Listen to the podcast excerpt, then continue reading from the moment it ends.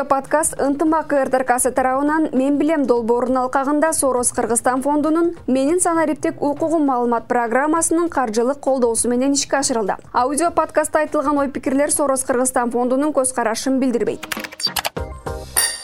саламатсыздарбы урматтуу угармандар. Эфирде мен гулиз маликова сиздер тыңдап жаткан мен билем программасы. Биз баштайбыз. Бул уктуруулар санариптик адам укуктары боюнча маалыматка суусап жүргөн жарандарыбызга арналат. Бүгүн электрондук гаджеттерди колдонуудагы адам укуктарынын корголуусу аталыштагы теманын алкагында маек курабыз бүгүн бизде конокто эркебаев нуркасым кылычбекович программист айти адисе саламатсызбы? Куш келипсиз? Саламатчылык. Агай алгач эле биз жогоруда айтып өткөндөй эле бүгүн электрондук гаджеттерди колдонуудагы адам укуктарынын корголуусу аталыштагы теманын алкагында маек курабыз деп айтып өттүк. Алгачкы эле суроонубуз атайын электрондук гаджеттер деген бул эмне? Э, эми электрондук гаджеттер деген бул э, гаджет деген англис сөзүнөн алынганда э, ыңгайла ылайыкташуу ыңгайлашуу приспособление дегенди түшүндүрөт жалпылап айта кетсек бул чоң эмес көлөмдөгү электрондук түзүлүштөрдү биз гаджеттер деп атайбыз же болбосо электрондук гаджеттер деп атайбыз. Эми ал электрондук гаджеттер э, бул ошол иштелип чыкканда эле адамдын жашоосундагы кайсы бир э, бөлүгүн жеңилдетүү максатында иштелип чыгылат. Э, буларга мисал катары айтсак смартфондор планшеттер компьютерлер ноутбуктар gps навигаторлор фитнес трекерлер смарт браслеттер спорттук түзүлүштөр андан сырткары медицина тармагында колдонулчу гаджеттер мисалы үчүн электрондук пластырлар жана пульсометр же давлениени өлчөөчү электрондук жабдыктар жана ушул сыяктуу санай берсек деги эле көп. Э, ошондой эле видео камералар фотоаппараттар квадрокоптерлер жана башка ушул сыяктуу. Эми санай берсек э, жүздөп саналат гаджеттер. Э, гаджеттердин көп түрдүүлүгү өтө көп болгондуктан аларды мындай пайдаланылган чөйрөсүнө жараша бөлүп карасак болот. Мисалы үчүн спортто колдонулчу гаджеттер коопсуздук үчүн колдонулчу гаджеттер э, андан кийин бир нерсени үйрөтүүдө колдонулчу гаджеттер билим берүүдө колдонулчу гаджеттер пикир алышууда колдонулчу гаджеттер андан кийин э, навигацияда колдонулчу гаджеттер. Анан жогоруда айтып кеттим медицинада колдонулчу гаджеттер. Э, демек ушулар баардыгы жалпысынан электрондук гаджеттер деп атайбыз. Э, электрондук гаджеттер э, ар бири ошол иштелип чыкканда ушул электрондук түзүлүштөрдөн турат. Жана ушул ток булагын талап кылат да иштеш үчүн. Батарейкаларды жана башка ушул сыяктуу түшүнүктүү агай анан дагы бул жакта экинчи суроону узата берели сизге. Бул жакта кыргызстанда электрондук гаджеттерди колдонуу канчалык деңгээлде өнүккөн. Азыркы жыйырма биринчи кылымда биздин кыргызстаныбызды алсак гаджеттердин азыр орду биздин жашообузда канчалык маанилүү. Э, гаджеттер акыркы беш жылдын аралыгында биздин э, өлкөдө өтө тездик менен э, өнүгүп келатат. Муну биз ушул былтыркы өткөн жылдагы эле пандемия учурунда э, байкадык э, себеби онлайн режимге окутуу билим берүү баардыгы онлайн режимге өтүп э, ошол смартфондордун ноутбуктардын тартыштыгы пайда болду да. Бул деген сөз бизде ошол гаджеттердин элге көп колдонгондугун тастыктайт. Башкача айтканда ушул гаджетсиз аралыктан билим берүү же болбосо онлайн иш чаралар уюштуруш кыйындыкка турат ошол себептен э, гаджеттер азыркы учурда э, жогорку деңгээлде таралгандыгын айтып кетсек болот. Демек түшүнүктүү анан дагы демек акыркы убакта кыргызстанда гаджеттерсиз э, жашоо мүмкүн эмес сыяктуу мүмкүн эмес болуп калды түшүнүктүү анда үчүнчү сурообузду узата берели биздин өлкөгө алынып келинген гаджеттер сертификациядан өтөбү жана кандай жолдор менен текшерилет эми э, биздин э, өлкөгө алып келинген гаджеттер баардыгыбыз билебиз биз бажы биримдигиндеги өлкөлөрдүн катарындабыз. Демек бизге кирген баардык электрондук гаджеттер жана башка деле товарлар баардыгы ошол бажы биримдигинин жоболорундагы шайкештиктерге ылайык жүргүзүлөт. Алар тарабынан атайын ошол сертификациялардын түрлөрү бар ошолордон өтөт. Э, андан сырткары электрондук гаджеттер мен жогоруда айтып кеттим ток булагына туташтырылгандыктан алар электромагниттик шайкештик деген дагы сертификациядан өтөт да. Башкача айтканда алардын коопсуздук нормалары ден соолукка келтирген зыяны ток булагында туташтырылгандагы күйүп кетпей турган жарылып кетпей турган коопсуздук нормалары ушул сыяктуу көптөгөн сертификациялардан өткөрүлөт. Бул эми бир эле бажы биримдигинде өткөрүлөт. Ага чейин ошол электрондук гаджет чыккан чыгарган завод фабрикаларда дагы бир нече түрдүү сертификациялардан өткөрүлөт. Түшүнүктүү анан дагы бул жакта төртүнчү суроо телефон компьютер планшет жана жалпы эле гаджеттердин адам затынын ден соолукка келтирген зыяны канчалык?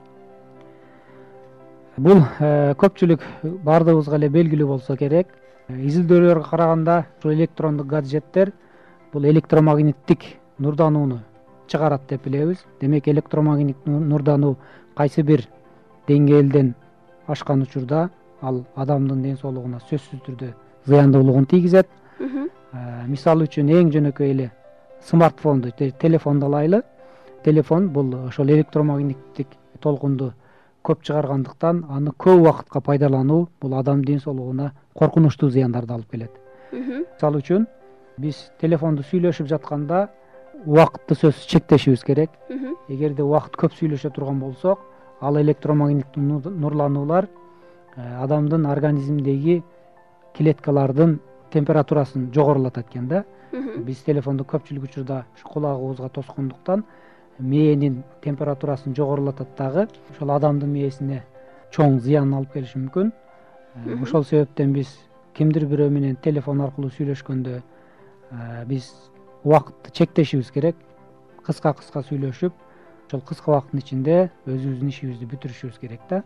Э, андан сырткары ошол биз мисалы үчүн интернетке чыгабыз. Интернетке чыккан учурда үч ж төрт ж вайфай деген булактардын жардамында интернетти алабыз да. Булардын дагы зыяндуулугу өтө жогору болгондуктан буларды дагы колдонууну чектешибиз керек. Телефондо сүйлөшүп жатканда аппаратты телефон аппаратын алысыраак кармашыбыз керек. Сүйлөшүп бүткөндөн кийин алысыраак коюшубуз керек. Биз телефондорду чөнтөккө көкүрөккө жакын жерлерге салып алабыз. Демек алар бизге зыяндуулугу көбөйөт. Ошол себептен телефонду сүйлөшүп бүткөндөн кийин болушунча алысыраак кармоого аракет кылышыбыз керек да. Андан кийин эгерде телефондорду же гаджеттерди ашыкча колдоно турган болсок анда өзүбүздүн эле э, ден соолугубузда төмөнкүдөй өзгөрүүлөрдү байкасак болот да. Биринчиден иммундук системабыз түшүп кетет. Баш ооруу анан күндүзү жүргөндө алсыздык ачуулануу чарчоо ушундай өзгөрүүлөр байкалат да. Ал эми электромагниттик толкундар бир жогоруда айтып кеттим ички ткандардын ысыш температурасын жогорулаган шарттагандыктан ошол мээнин угуу сезиминин көрүү аппараттарынын э, көз торчолорунун начарлашына алып келет да ал дагы бизге кадимкидей байкалат. Андан кийин э, биз көрүү эс тутум дагы начарлашы мүмкүн. Андан кийин эмоционалдык туруктуулугубуз начарлайт. Азыр мисалы үчүн көчөдө жүрсөк көпчүлүк адамдар тез жиникелип кетет же өзүн кармай калат ушул сыяктуу абалдар ушул электрондук гаджеттердин таасирлеринин бири деп ойлойм да мен дагы. Демек аны окумуштуулар дагы аны изилдеп чыгышкан. Э, андан сырткары э, эске тутуу түзүмү. Мисалы үчүн бизге чейинки ата бабаларыбыз бир нерсени айтса дароо эске тутуп калышкан да. Азыркы учурда биз э, жаштар жаш эле туруп көп нерселерди эске тута албай калышат да. Унутуп калыпмын эсимден чыгып кетиппин деп ушундай көп байкалат өзүңүздөр деле байкап жүрсөңүздөр керек. Бул зыяндуулук электромагниттик зыяндуулук ватт на килограмм деген бирдик менен эсептелет. Демек э, адамдын ден соолугу үчүн нөл он төрт нөл жыйырма бирге чейинки ошол ватт килограмм деген бирдик нормалдуу деп эсептелинет ушул изилдөөлөр боюнча. Эгер андан ашып кете турган болсо э, бул ден соолукка зыяндуулугу чоңоет. Э, ошондой эле биз көпчүлүк учурда ушул электрондук гаджеттерди дайыма жаныбызда алып жүрөбүз. Жатканда мисалы үчүн башыбызга коюп жатабыз дегендей. Бул э, өтө терс таасирин берет. Э, демек гаджеттерди колдонууну биз чектеп болушунча колдонууну азайтышыбыз керек. Андан кийин кээ бирлер азыр экиден үчтөн мобилдик телефондорду көтөрүп жүрүшөт. Демек ал деген сөз жогоруда айтылып кеткен нормадан ашыкча деген. Ашыкча нурданууну излученияны өзүнө алып жүрөт деген сөз да. Угармандар ойлоп калышы мүмкүн. Эгерде мындай чоң зыяндуулукка зыяндуулук бар болсо биз эмне үчүн колдонобуз деген түшүнбөстүктөр пайда болуп калышы мүмкүн. Э, бул жогоруда мен айтып кеткендей эле ашыкча колдонгон учурда нормадан ашыкча колдонгон учурда туура эмес колдонгон учурда ушундай зыяндуулуктарга жетишебиз да. Зыяндуулуктарды алып калабыз. Түшүнүктүү кийинки сурообуз сатып алууда эмнелерге көңүл буруу керек? Мисалы мен э, уюлдук телефонду сатып алдым дейли сатып алганы жатам. Мен биринчи эмнеге көңүл буруум керек? Негизинен биз биринчи сатып алууда сөзсүз баасына көңүл бурабыз. Бул баардыгыбыздын эле сурай тургандай биринчиден эле баасын сурайбыз баасына көңүл бурушубуз керек. Э, гаджеттер бул баасы боюнча же мындай сапаты боюнча бюджеттик анан орто класстагы анан флагман деп бөлүнүшөт демек бюджеттик класстагы электрондук гаджеттер арзаныраак болот. Андан кийин орто класстагы смартфондор андан кийин флагмандар. Флагмандар булар кымбат баалуу электрондук гаджеттер. Эми мүмкүн болсо биз кымбатыраагын алганга аракет кылышыбыз керек. Себеби алардын э, жана жогоруда биз айтып кеткендей сертификациядан өтүшү адамга тийгизген таасири анан сапаттуу буюмдардан жасалгандыгы да турат да. Анын баасынын кымбаттыгы алар сапаттуу э, материалдардан жасалат. Ошон үчүн баасы дагы кымбат болот.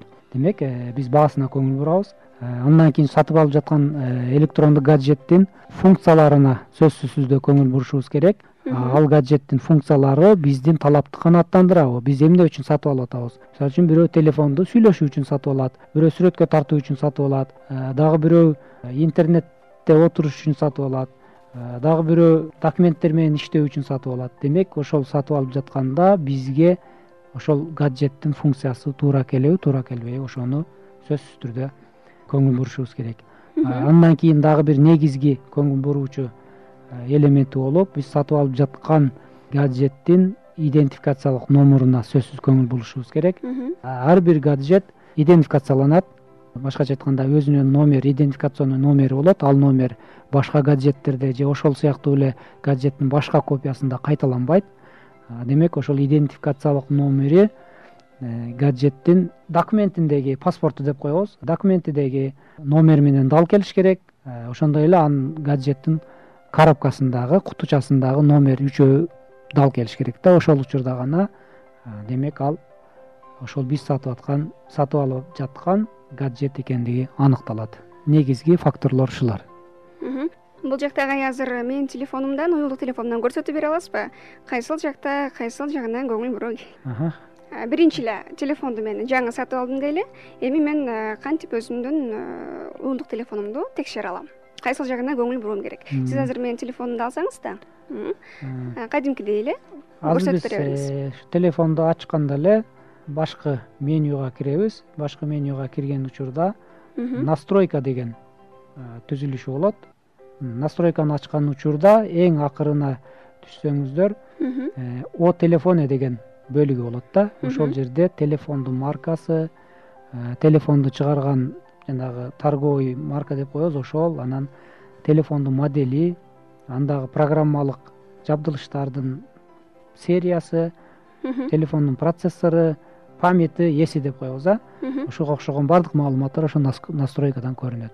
Андан сырткары ушул настройкада эле телефондун имей коду деп коебуз жана мен айтып кеттим идентификационный номер. Демек ошол имей коду менен биз телефон менен кошо алынган паспортуну документин анан э, кутучасы коробкасындагы үч номерди сөзсүз түрдө салыштырышыбыз керек. э, түшүнүктүү анан дагы телефонду колуңузга алып тура бериңиз мисалы мен колдон телефон сатып алдым дейли деп корголот ал жакта. Мен колдон алып колдон сатып алып атканда кайсыл жагына көңүл бурушум керек. Анын колдон алынып жатканын коопсуз эмес экенин каяктан билем.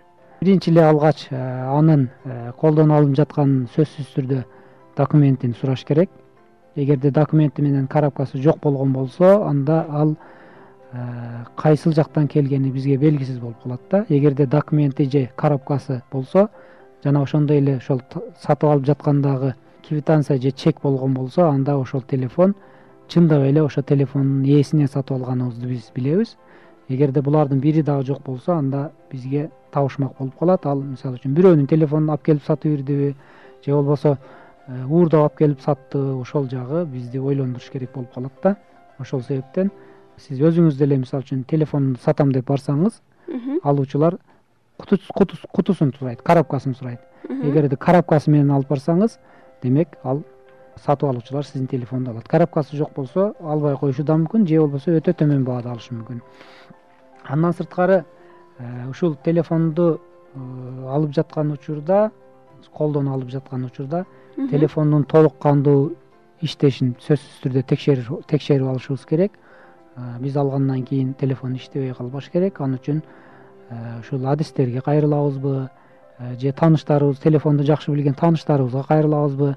Ошолор менен барып телефонду толук түрдө бирден бир ар бир функциясын текшерип алышыбыз мүмкүн. Кээ бир телефондордо мисалы үчүн сүрөткө татпай калат. Кээ бир телефондордо программалык катасы чыгып калат. Кээ бир телефондордо экрандын кайсы бир бөлүгү иштебей калат испорченный пиксель деп коет. Ошол ошол бөлүгү сүрөттү көрсөтпөй калат да телефондун бетиндеги. Демек ошолорго көңүл бурушубуз керек. Колдон сатып алып жатканда түшүнүктүү жообуңузга рахмат кийинки сурообуз сатып алган дүкөндөн мен эмнелерди талап кыла алам? Сатып алган дүкөндөн ошол биз гаджетти сатып алган учурда биринчи эле сатып алгандык тууралуу квитанцияны анан төлөгөн акчабыз тууралуу чекти талап кылышыбыз керек. Демек бул бизде э, телефон мындан кийинки э, колдонушунда дагы керек болот. Андан кийин гарантиялык талонун талап кылышыбыз керек. Гарантиялык талоонду сөзсүз түрдө бериш керек. Ошол сатып жаткан э, жак сатып жаткан тарап э, демек э, телефондо кандайдыр бир мүчүлүштүктөр болуп калса ошол гарантиялык талон менен барып оңдотуп алууга же башкасына алмаштырууга болот да. Анан бизде көпчүлүк эле учурларда ушул телефондорду сатып жатканда гарантиясы үч жыл беш жыл деп айтыла берет. Бирок аны биз тактап билип алышыбыз керек. Ал негизинен гарантия бир эле жыл же алты ай же бир жылга берилет. Ал эми калганы э, бул э, жанагы кийинки кызмат көрсөтүүлөр үчүн гана берилет да. Сервисная гарантия деп коет. Ал ошол телефон бузулса мисалы үчүн акысыз оңдоп бериши мүмкүн. Э, бузулган тетигин сиз сатып бересиз алар акысыз оңдоп бериши мүмкүн. Ошол сыяктуу гарантиялык талоонду талап кылышыбыз керек анан канчаны тактап алышыбыз керек. Сервистик гарантия канча убакыт анан аппараттык гарантия канча убакыт. Эгерде мисалы үчүн биз сатып алган гаджет брак заводдун брагы чыгып калса же тез эле бузулуп калса анда ушул кайсы убакыттын ичинде жаңысын алмаштырып берет кайсыл убакыттын ичинде аны түзөтүп оңдоп берет деген талаптарды суроолорду тактап алышыбыз керек талап кылышыбыз керек. демек агай сервис гарантияда бир жылга чейин бузулуп калган болсо алар оңдоп берүүгө милдеттүү. Аппарат гарантияда болсочу алмаштырып берет да эгер алардын ошо договорду окуш керек мисалы үчүн заводдун брагы болсо анда сөзсүз түрдө алмаштырып бергенге милдеттүү да. Ал эми колдонуучу бузуп ала турган болсо мисалы үчүн сууга түшүрүп берсе же күйгүзүп койсо же сындырып алса анда бул ошол сатып алган тараптын күнөөсү болот дагы анда телефонду алмаштырып бербейт. Ошо тетиктерин телефон гаджеттин ээси алып бериши мүмкүн алар акысыз оңдоп бериши мүмкүн да. Ошол сервистик гарантия болуп эсептелинет демек бул жакта кепилдик мөөнөтүн дагы тактап тактап алышыбыз керек э? Түшүнүктүү андан кийинки сурообуз болсо колдон алынган гаджеттерди кантип текшерип алабыз? Муну жогоруда айтып өттүңүз. Эгер ал уурдалган болсо биз кантип билебиз ал аппараттын уурдалган экендигин э, текшериш эми биз бул татаал маселе эми ошол документ э, ошол гаджет ошол туура ээси экендигин билиш үчүн анын ошо жогоруда айтып кеттим документин сураш керек квитанцияларын сураш керек анан коробкасын кутучасын сураш керек дагы. Ошол идентификациялык номерди ошол документтердеги дал келүүчүлүгүн сураш керек да. Э, андан кийин э, смартфондун мисалында айтып кетсем мен биз ошол э, колдон сатып алып жаткан учурда аккаунттарды ачтырып алышыбыз керек да. Эгерде ал аккаунтун киргизип койгон болсо биз аны сатып алып кетип калсак ал аккаунтту биз пароль сыр сөзүн паролун билбей калабыз дагы. Кийин иштеткенде анын толук мүмкүнчүлүгүн колдоно албай калабыз. Же болбосо блокировка болуп калышы мүмкүн да. Ошол учурда биз ал наркы сатып алган ээсин таппай калабыз дагы. Телефонубуз жараксыз болуп калышы мүмкүн. Ошон үчүн анын google аккаунт деген бар. Эгерде андроid телефон болсо анда google аккаунтун э, паролу менен терип чыгарып алып калыш керек да. Ал өз аккаунтун алып калыш керек. Биз өзүбүздүн жаңы аккаунтту киргизип алышыбыз керек демек э, колдон сатып алып колдон сатып алган учурда ушуну эске алыш керек. аккаунтту сатып алып жаткан адамдан google аккаунтун чыгарууну чыгарып салыш керек э. өзүбүздүн аккаунтубузду катташыбыз керек. каттап алышыбыз керек. Ошол учурда гана биз телефонду толук кандуу колдоно алабыз. Эгерде apple фирмасынын телефондору болсо айфон болсо айcloud деген аккаунт бар. Э, ошол айcloud аккаунтуну чыгарып алышын суранышыбыз керек дагы. Өзүбүз жаңы айcloud аккаунт түзүп коюшубуз керек. Антпесек биз ал телефонду колдоно албайбыз. Демек э, менин түшүнүгүм боюнча айфон телефон планшеттерде айcloud деген аккаунт бар. Аны сөзсүз түрдө чыгарып алыш чыгарып алыш керек. түшүнүктүү мен жазып алдым. Э, анан дагы кийинки сурообуз болсо эми биз жашоо турмушубузда жумушубузда өтө көп колдонгон телефон жана бул ноутбук. Э, мына ушуну колдонуп жаткан учурда биз аны сатып алдым. Өзүмдүн коопсуздугумду түзүүм үчүн биринчи эмне аракет кылуум керек? Мисалы мен жаңы сатып алып алып келдим эми мен өзүмдүн коопсуздугумду түзүшүм керек. Мен эмне аракеттерди көрүшүм керек. Эми бул э, коопсуздук чарасын ошол э, электрондук гаджетти чыгарып жаткан э, производитель деп коебуз биз э ошол чыгарып жаткан заводбу фабрикабы ошол өзү колго алып чыгарат ар бир гаджеттин өзүнүн коопсуздук коопсуздук жактан корголгон алардын коргоочу түзүлүштөрү бар. Мисалы үчүн телефондор смартфондор планшеттерде ошол коопсуздук чаралары бизге биз сатып алганга чейин көрүлгөн да алардын программалык каражаттарында ушул коопсуздук чаралары баардыгы көрүлгөн. Ал эми ноутбукту же компьютерди мисалын ала турган болсок анда дагы э, анча жогору эмес коопсуздук чаралары көрүлгөн бирок биз аны сатып алгандан кийин өзүбүздүн дагы коопсуздук чараларыбызды э, коюшубуз керек. Анын эң негизгиси мисалыга антивирустук программаларды орнотушубуз керек. Э, андан кийин ошол телефонду же болбосо ноутбукту күйгүзүп тамызып жаткан учурдагы паролдорду орнотушубуз керек да сыр сөздөрдү орнотушубуз керек. Ал деген сөз биздин ошол электрондук түзүлүштөгү маалыматтар башка жака чыгып кетпешини чектейт да чыгып кетишин чектейт демек коргойт? Коргойт э, коргоп берет канчалык бир деңгээлде түшүнүктүү коопсуздук коопсуздукту коргоо үчүн жана жогоруда айтып өттүңүз антивирус антивирустук программалар антивирус жана зыянсыздандыруу программаларды кантип колдоном эми бул антивирустук программалар э, смартфондор үчүн даяр эле аны плей маркеттен же ошол э, app store деп айфондор үчүн атайын магазин бар. Ошолордон алып туруп эле орнотуп койсок калган э, ишти ошол программа өзү аткара берет. Ал эми ноутбук же компьютерлерге орното турган болсок аны ошол биздеги ноутбуктун программасына разряддуулугуна жараша ошого дал келе турган антивирустук программаны сатып алып орнотушубуз керек. Антивирустук программалар э, бул сатылат бекер эмес. Э, аны кайсыл жактан сатып алат? Э, ошо антивирустук программаларды иштеп чыккан тараптан сатып алабыз. Мисалы үчүн касперский антивирус дегендер бар нот деген фирмалар бар ошо антивирустук антивирустук программаларды иштеп чыгышат. Алардан сатып алабыз. Анан электрондук маалыматтар сыртка чыгып кетпеш үчүн сөзсүз түрдө сыр сөздү агай дагы бир ирет ушуну э, кеңирээк айтып берсеңиз сыр сөздү кандай түзүшүбүз керек? Жеңилиреги коопсуздукту коргойбу же болбосо татаалыраакыбы бул дагы бөлүнөт да өзүнчө. Эми сыр сөздү коюп жатканда өзүнүн э, эрежелери бар мисалы үчүн э, сиз сыр сөз койсоңуз өзүңүздүн атыңызды койбошуңуз керек өзүңүздүн телефонуңуз номеруңузду койбошуңуз керек. Себеби анын баардыгы белгилүү билет да. Өзүңүздүн туулган жылыңыз жашыңыз деген ушул сыяктуу. Ошол сизге байланбаган сизге Э, байланышпаган бир э, сөздөрдөн же коддордон сыр сөз койсоңуз бул ишенимдүү болот деп демек татаалыраак татаалыраак сыр сөз коюш коюу талап кылынат сөзсүз түрдө. Демек татаалыраак сыр сөз коюшубуз керек жоопторуңуз түшүнүктүү дагы ушул жерде кошумчалап кетейин. келиңиз кошумчалап өтүңүз э, биз телефондо болобу ноутбукта болобу бизге тааныш эмес булактардан келген маалыматтарды ачпашыбыз керек да. Мисалы үчүн телефондордо азыр смс билдирүүлөр же whatsappтан же башка телеграм э, байланыш түйүндөрүнөн ар түрдүү э, смс билдирүүлөр келип атпайбы. Мисалы үчүн мына э, ссылканы бассаңыз сизге мынча призовой фонд берилет.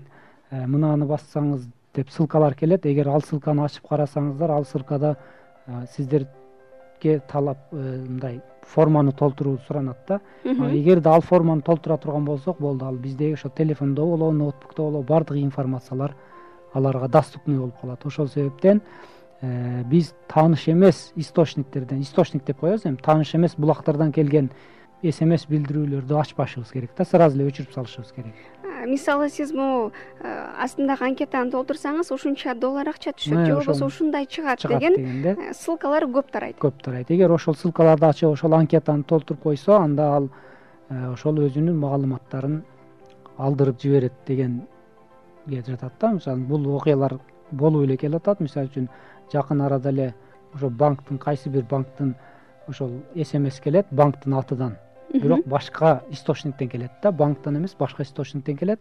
Ал колдонуучу ал форманы толтуруп ал жерге өзүнүн картасынын данныйларын баарын жазып коет дагы ал алар ошол картадагы акчаны алып коет да. Демек бул деген сөз бизге тааныш эмес формаларды толтурбаш керек да эч качан демек өзүбүзгө тааныш эмес келген ссылкалардын баардыгын анкеталардын баардыгын толтурбашыбыз керек ачпашыбыз керек ачпашыбыз керек түшүнүктүү берген суроолорубузга жоопторду алдык. Бүгүн бизде болсо аркабаев нуркасым кылычбекович агайыбыз конокко келип берди. Программист айти адиси сиздин келип бергениңиз үчүн чоң рахмат агай ыраазычылык билдиребиз. Ишиңизге ийгиликтерди каалайбыз антип өзүңүздүн акыл насаатыңызды билгендериңизди угармандарга бөлүшүп жүрө бериңиз. Силерге дагы рахмат. Ушундай чакырып маек куруп бергениңерге силерге дагы ишиңерге ийгилик каалайм рахмат агай. Э, достор бүгүн биз сиздер менен электрондук гаджеттерди колдонуудагы адам укуктарынын корголуусу тууралуу э, маалыматтарга ээ болушуңуздарга шарт түзүп бердик. Сиздерге пайдалуу маалыматтар менен камсыз кылган э, биздин нуркасым агайыбыз болду. Дагы бир ирет ыраазычылык билдиребиз. Урматтуу угуучулар биздин кийинки уктуруубуз интернет жана социалдык баракчалар тууралуу болмокчу. Кийинки уктурууга чейин аман туруңуздар